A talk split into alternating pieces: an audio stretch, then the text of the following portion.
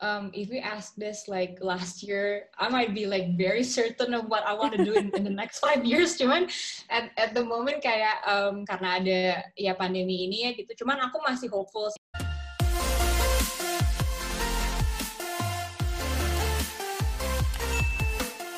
Hi everyone, welcome back to Hashiriri Talk Series episode 5 with me Lulu. Um, untuk yang belum tahu, apa sih Hashiriri Talk Series ini? Basically, ini adalah salah satu program dari Miss Boss Indonesia, di mana kita mengundang uh, ambitious women atau female entrepreneurs untuk kita ajak ngobrol-ngobrol tentang topik-topik tertentu dengan tujuan untuk menginspirasi kalian semua. Nah, hari ini aku mengundang tamu yang sangat spesial, namanya Mbak Audira Amanda, the founder of Workplay. Nah, um, aku ingin bertanya-tanya ke Mbak Dira, bagaimana Mbak Dira membangun workplay dan juga how she cope selama pandemi ini. So, please welcome Mbak Dira. Hai Mbak Dira. Halo. Hai. First thank of you for all, having me. Ya. yes, thank you udah mau diajak ngobrol-ngobrol, udah mau meluangkan waktunya. Oke Mbak Dira, Sama-sama. kita mulai ya. Oke. Um, kita uh, ngobrol dulu nih dari awal. Uh, boleh nggak Mbak Dira menceritakan sedikit kapan dan kenapa Mbak Dira membangun workplay? Oke.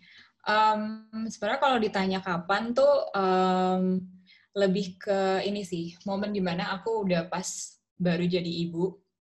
Um, jadi um, after anakku tuh hampir satu tahun deh, terus aku mulai kayak um, mencari ide gitu ya kayak um, apalagi ya yang bisa aku lakukan gitu. Karena kayak um, bukan aku nggak suka dengan peran aku yang baru tapi aku walaupun aku jadi ibu aku tetap pengen produktif tetap pengen menghasilkan sesuatu pengen bermanfaat juga buat orang orang banyak gitu kan.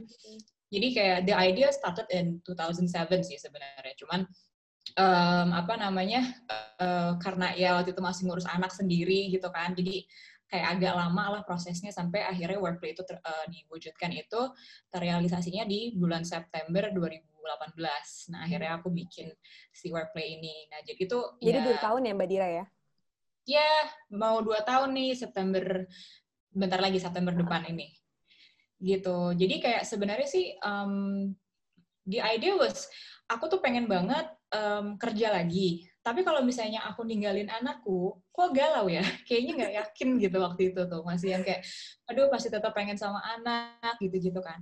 And I realized that I'm not the only one. Kayak I bet a lot of you're mothers not, because I'm like you. Iya kan, kayak a lot of mothers, and especially sekarang juga parents ya, karena juga ayah sekarang role-nya juga uh, mereka udah makin apa ya, makin uh, mau involve gitu kan dalam pengurusan uh, anak gitu.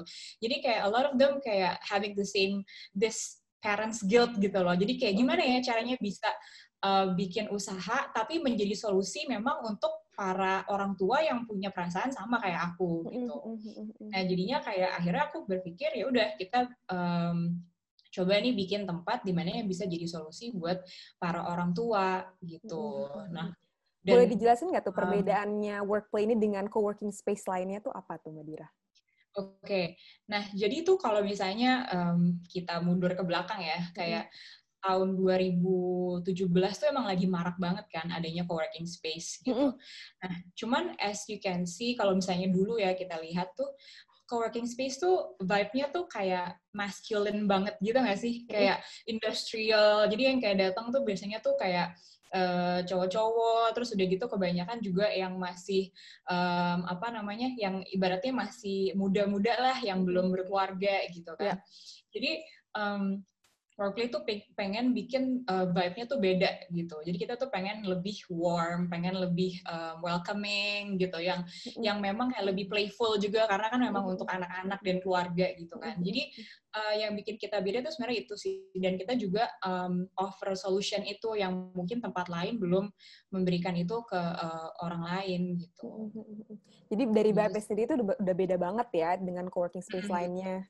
Nah, hmm. kalau dari sisi fasilitasnya itu apa saja sih yang yang ada di sana?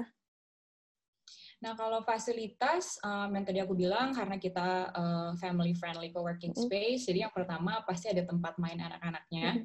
Jadi ada play area anak-anak. Jadi itu di lantai yang sama dengan uh, area ibu atau bapaknya bekerja atau enggak? Jadi kita memang uh, kita kan tiga lantai nih. Okay. Uh, jadi kalau lantai pertama itu si play area, jadi nanti anak-anaknya ditemenin sama ada kakak-kakak child supervisor. Okay. Nah, si kakak-kakak ini juga nanti yang menyiapkan activities untuk mereka. Jadi ada different activities every day. So hopefully kalau misalnya orang tuanya lagi sering ke workplay, anaknya hmm. jadinya nggak nggak bosen gitu karena ada hmm, hmm, kegiatan baru lagi.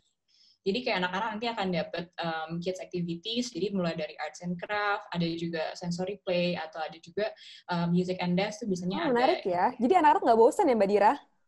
Iya, hopefully mereka juga jadi oh. lebih uh, apa ya ter-entertain itu sekalian yeah, juga betul. mereka belajar sedikit-sedikit ya. Jadi maksudnya nggak cuma main-main eh, nggak uh, jelas gitu. Jadi tetap ada yang diarahkan lah gitu. Iya, benar-benar benar.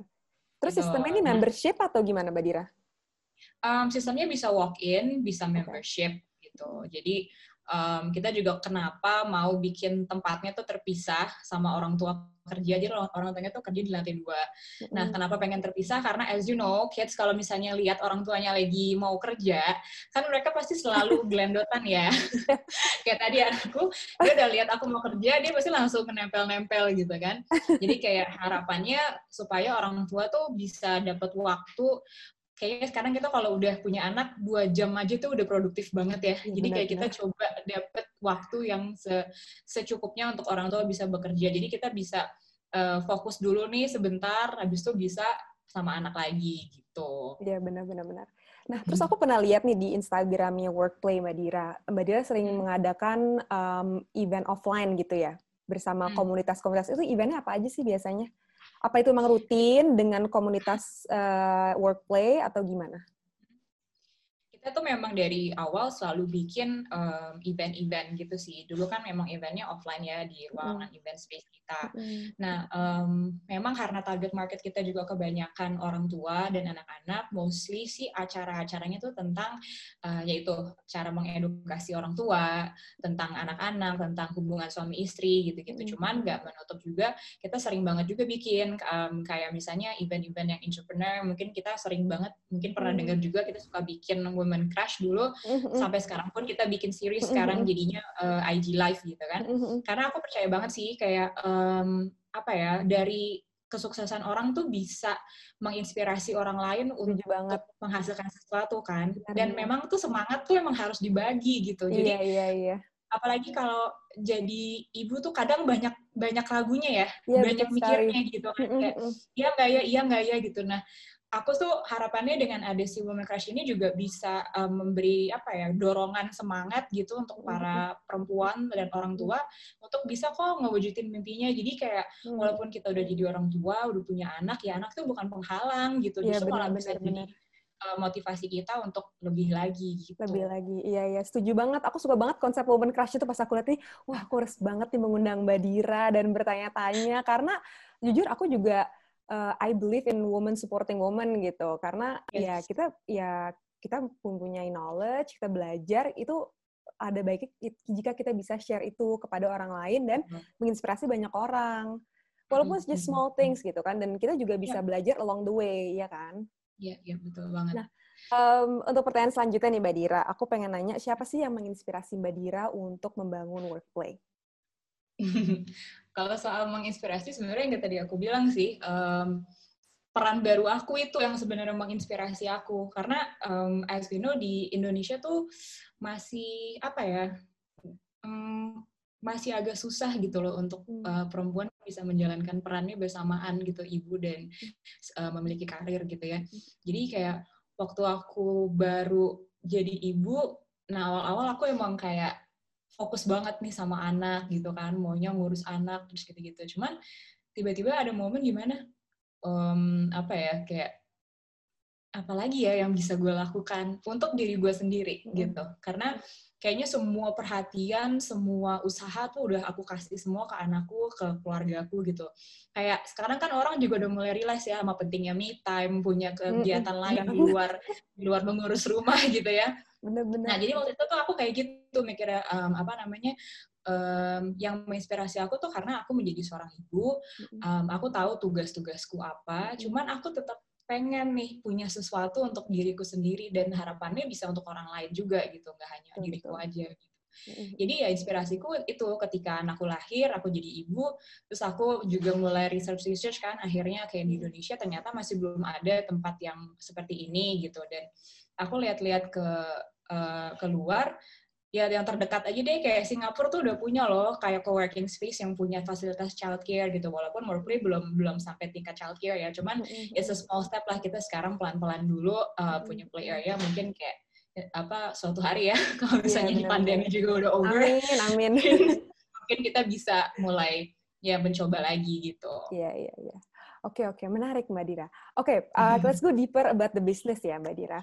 Um, kan makin banyaknya nih yang tadi Mbak Dira juga udah bilang ya, working space yang hadir dan itu menurut aku menjadi tantangan sendiri nih untuk Mbak Dira sebagai entrepreneur ya kan dari mulai building awareness, menciptakan komunitas dan lain-lain. Apa sih strategi marketing workplace yang mungkin bisa uh, di-share sedikit yang membuat workplace tuh bisa stand out among all the other competitors gitu? Oke. Okay Sebenarnya tuh yang paling enaknya dulu ya, karena untungnya workplay itu niche marketnya dan dibutuhkan. Jadi um, workplay itu kan sebenarnya family friendly ya. At first we we created as like a women friendly space karena memang kita ngelihat itu tadi yang aku ceritain um, untuk para perempuan dan terutama ibu tuh masih sedikit banget gitu untuk mereka bisa berkembang. Nah, yang yang terutama itu karena kita niche jadi orang pasti akan butuh gitu kan akan akan butuh space di mana mereka bisa bekerja sampai bawa anaknya. Nah, akhirnya aku juga belajar untuk lebih fokus ke target market, apa yang mereka benar-benar butuhin gitu. Nah, as you know juga as parents, kita fokus banget sama yang namanya harga. Iya. Yeah. Ya kan? And a lot of co-working space mereka juga price war banget nih, kayak harganya murah-murah banget dan bisa yang um, apa namanya bisa offer yang misalnya uh, pokoknya harganya murah banget deh intinya sampai kadang-kadang dari mana sih kok bisa segini murahnya gitu kan. Uh-huh. Nah, at the end how how how do we differentiate ourselves dan gitu kan. Selain kita memang udah uh, bikin fasilitas yang lebih, nah aku sih fokus di service karena menurut aku um, no matter how good the business is and how promising it might look, kalau misalnya memang the service uh, dari uh, dari staff-staff di dalamnya itu enggak apa ya nggak meninggalkan kesan gitu. Um, customer retentionnya juga mungkin akan berbeda gitu. Jadi memang aku fokus juga in um, apa namanya, I put a lot of effort uh, ke staff-staff aku supaya gimana mereka bisa deliver yang memang uh, sesuai standardsnya dan juga orang-orang tuh ada kesan manis gitu kalau misalnya habis dari workplay gitu. Mm-hmm. Itu sih sama paling um, apa ya kalau in terms of um, channelnya mungkin promotion kita emang mostly social media kita engage in um, kita juga banyak kolaborasi sama KOL sama communities. Karena juga sekarang orang fokusnya memang ke social media ya. Jadi yep. memang um, kita juga optimalin di situ sih sebenarnya. Itu sih most most okay, okay. yang di atas nih yang yang strategisnya yang kita coba nah uh, kita udah ngomongin strateginya nih. Nah, aku pengen tahu hmm. dari sisi tantangan. Uh, hmm. Dari sisi tantangan, pernah nggak sih Mbak, Mbak Dira mengalami challenge tertentu sebagai entrepreneur gitu? Dan bagaimana Mbak Dira mengatasi challenge tersebut? Oke, okay. jadi ini in terms of bisnisnya ya? In terms of ya? business. Ya. Oke, okay. at first aku mesti ini dulu sih. Um, waktu mis, waktu aku bikin workplay itu kendalanya adalah orang masih nggak familiar ini tempat apaan. Jadi oh. mereka tuh confused Bingung gitu kali ya. ya? Bingung ya mereka ya? Mungkin dipikirnya iya, childcare atau apa? Iya iya, jadi mereka tuh kayak bingung gitu, kayak ini tempat apa sih mbak gitu kan? Karena kan masuk-masuk langsung tempat main gitu kan, dan sering kali juga um, banyak activities di bawah kan, dengan juga selain si kakak child supervisor supervisor kita kan juga ada kolaborasi sama beberapa uh, apa namanya kegiatan-kegiatan anak, jadi mereka juga pasti langsung ngeliatnya ke situ kan. Terus Habis itu masih banyak juga ternyata yang nggak familiar sama terms co-working space gitu. Nah, jadi pas kita buka, kita jelasin co-working space, mereka makin bingung, kita jelasin konsepnya. Ini kan integrated kan soalnya kan ada ada playgroundnya terus kayak uh, apa ada play area-nya terus udah gitu ada tempat kerjanya terus ada event space-nya. Nah orang tuh langsung kayak ini tuh sebenarnya apa? gitu kan. Jadi kayak at the beginning kita memang ini banget sih, usaha banget um, so educate our market dulu gitu. Jadi kayak um, supaya mereka paham dulu ini tuh sebenarnya tempat apa gitu. Jadi makanya kita juga sering bikin community gathering gitu-gitu supaya mereka juga get the idea of workplay itu sebenarnya apa gitu sih. Iya, iya, iya. Jadi memang harus di-educate juga ya customer-nya gitu, dikasih tahu mm-hmm. berulang-ulang kali. Betul. nah, iya, betul, masih seputar tantangan nih Mbak Dira. Jadi uh, mom dan juga uh, entrepreneur itu kan dua hmm. role yang berbeda dan sebenarnya uh, sulit loh untuk dijalankan barengan ya nggak sih?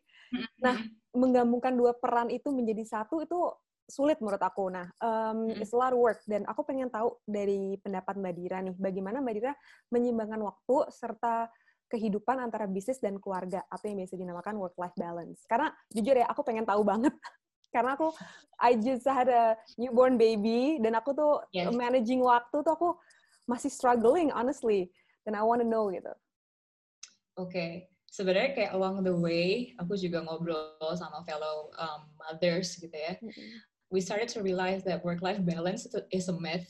There's no oh, such yeah. thing as a work-life okay. balance because at the end you you'll find your way sih kayak um, apa ya? Jadi kayak akhirnya kamu menemukan uh, caramu sendiri gitu. Yang mungkin menurut kamu itu balance, tapi mungkin untuk orang lain tuh belum gitu ya. Okay. Kalau aku sendiri ya, kalau misalnya um, awal-awal bikin workplay, aku juga lumayan ini nih lumayan um, apa namanya?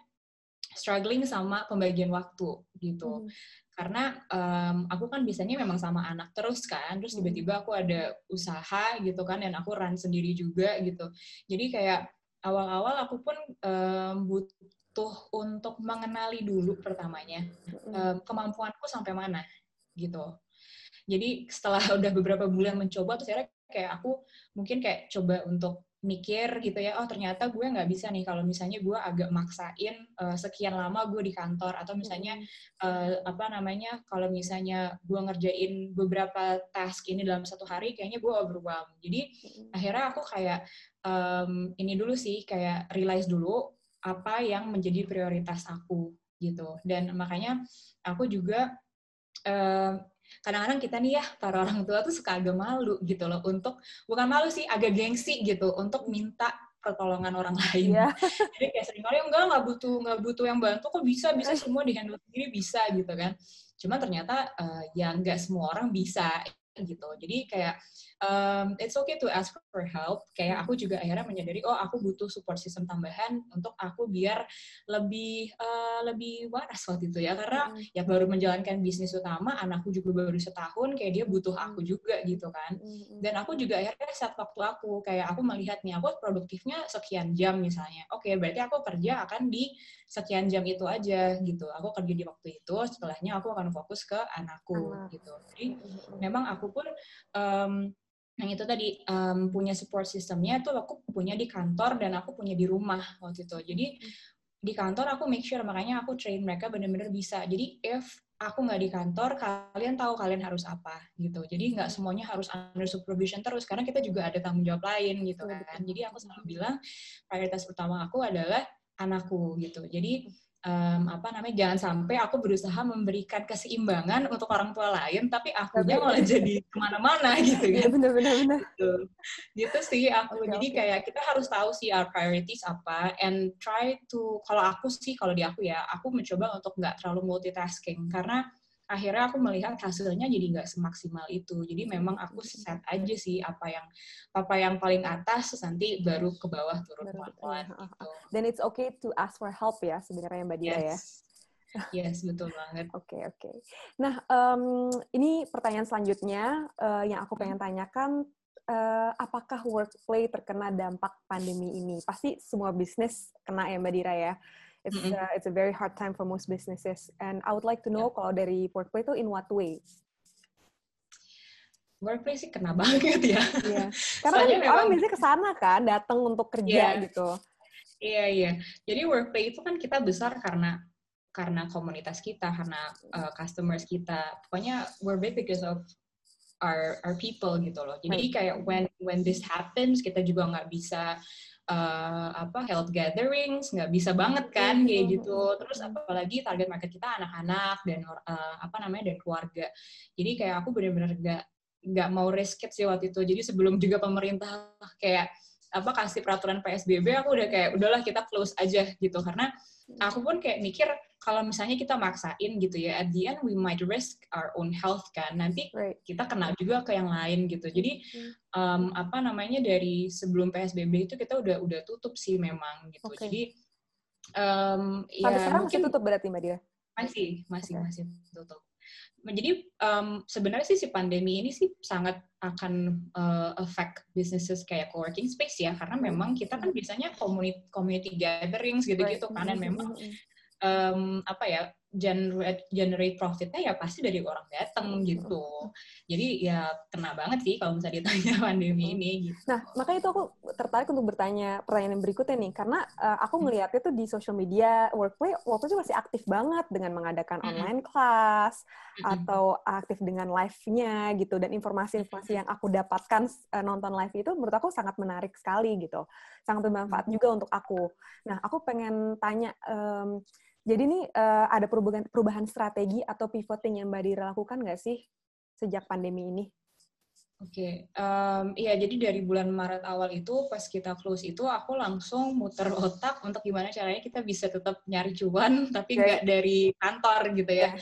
Jadi um, karena kita juga biasanya um, our revenue tuh bisa besar karena ada gatherings itu kan. Jadi kita juga berpikir um, ya udah event-event kita jangan sampai mati gitu karena orang juga um, nyari nyari ilmu gitu kan gimana pun caranya gitu. Dan kita juga nggak mau kita jadi renggang nih hubungannya sama komunitas karena kita kan udah nggak bisa kumpul-kumpul lagi gitu. Jadi waktu itu aku langsung decide untuk um, bikin online events jadi kayak mm. via zoom gitu kita langsung mm. bikin itu alhamdulillah juga um, apa animonya cukup baik gitu jadi um, waktu itu sih yang uh, apa namanya si online events ini masih jalan. Jadi intinya kita lebih fokus ke digital sekarang. Jadi kita maximizing our social media, Instagram kita untuk uh, kita bisa cari sponsor, cari um, apa namanya kegiatan-kegiatan lewat situ.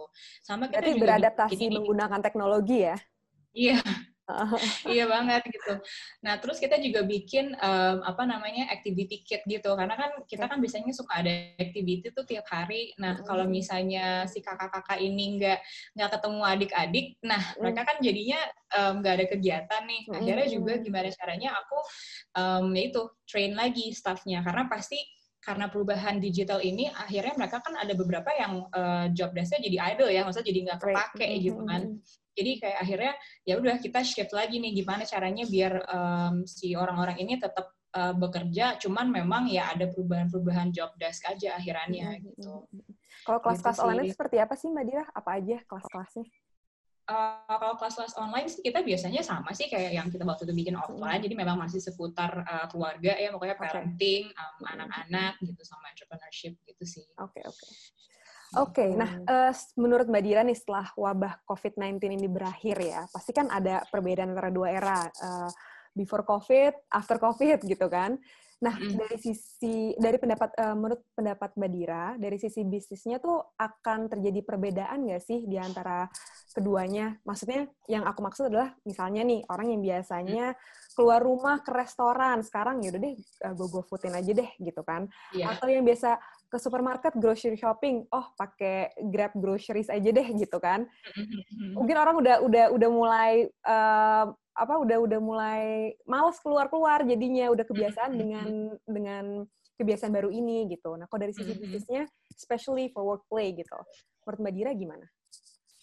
Um, kayaknya kalau misalnya within two to three years ya kayak um, apa namanya walaupun nanti juga udah ada vaksin aku masih merasa kayaknya um, people's attention on kayak their awareness on hygiene pasti tetap akan tetap tinggi ya, ya karena um, kita masih tetap apa ya tetap aware aja. Karena kayak uh, there's no guarantee that even though the vaccine is out dan dan the pandemic is over gitu atau enggak the virus bakalan nggak nongol lagi ya iya. kita belum belum belum tahu itu gitu kan Bener.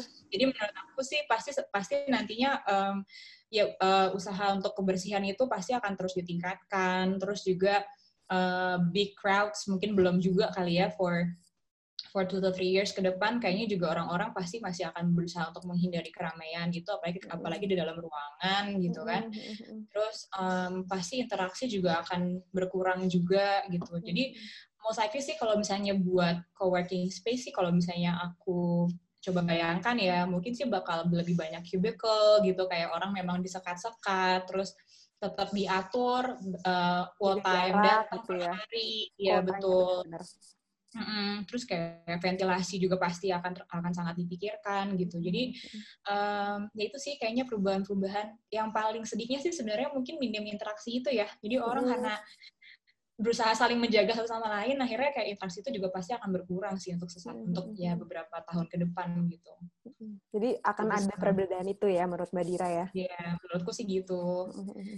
Oke okay, oke, okay. uh, coba aku sama sedikit ya karena aku punya dua pertanyaan lagi um, basically tadi Mbak Dira bilang memang workplace itu uh, kena banget ya dampak um, hmm. pandemi ini dan nggak hanya workplace nggak hanya workplace pasti co-working space lainnya juga gitu. Dan um, Mbak Dira juga melakukan pivoting selama pandemi ini dengan cara um, mengadakan online online class ya kan? Jadi untuk para yang uh, Miss Boss yang nonton di sini hari ini yang mau ikut kelasnya bisa langsung ke workplace nah um, aku ada dua pertanyaan lagi nih Mbak Dira Uh, yang pertama, uh, where do you see workplay five years from now?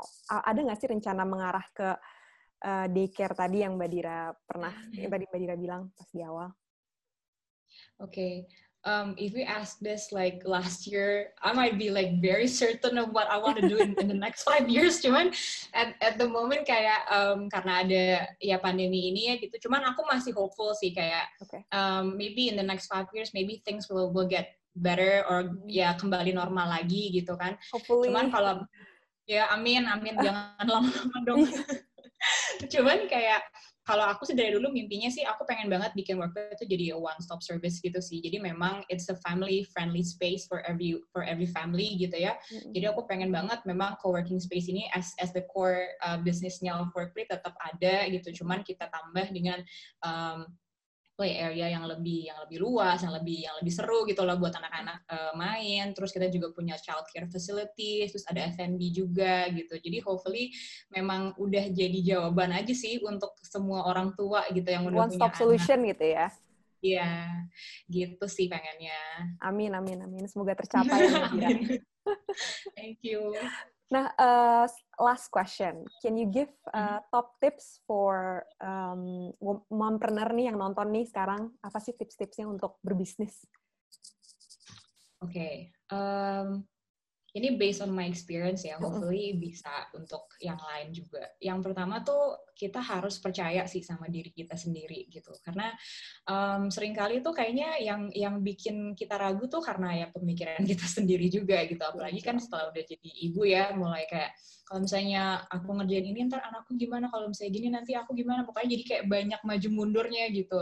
Nah jadi kayak you you gotta have faith in yourself and be confident dengan dengan um, apa ya dengan mimpi kamu gitu. Kalau mm-hmm. pasti kan kamu juga sudah memikirkan apa yang terbaik untuk kamu dan keluarga gitu kan. Jadi pasti kamu pun akan menimbang yang yang yang apa ya yang baik buruknya gitu. Kamu kan nggak nggak gegabah gitu. Jadi uh, percaya juga sama kemampuan kamu. Itu sih yang pertama menurutku.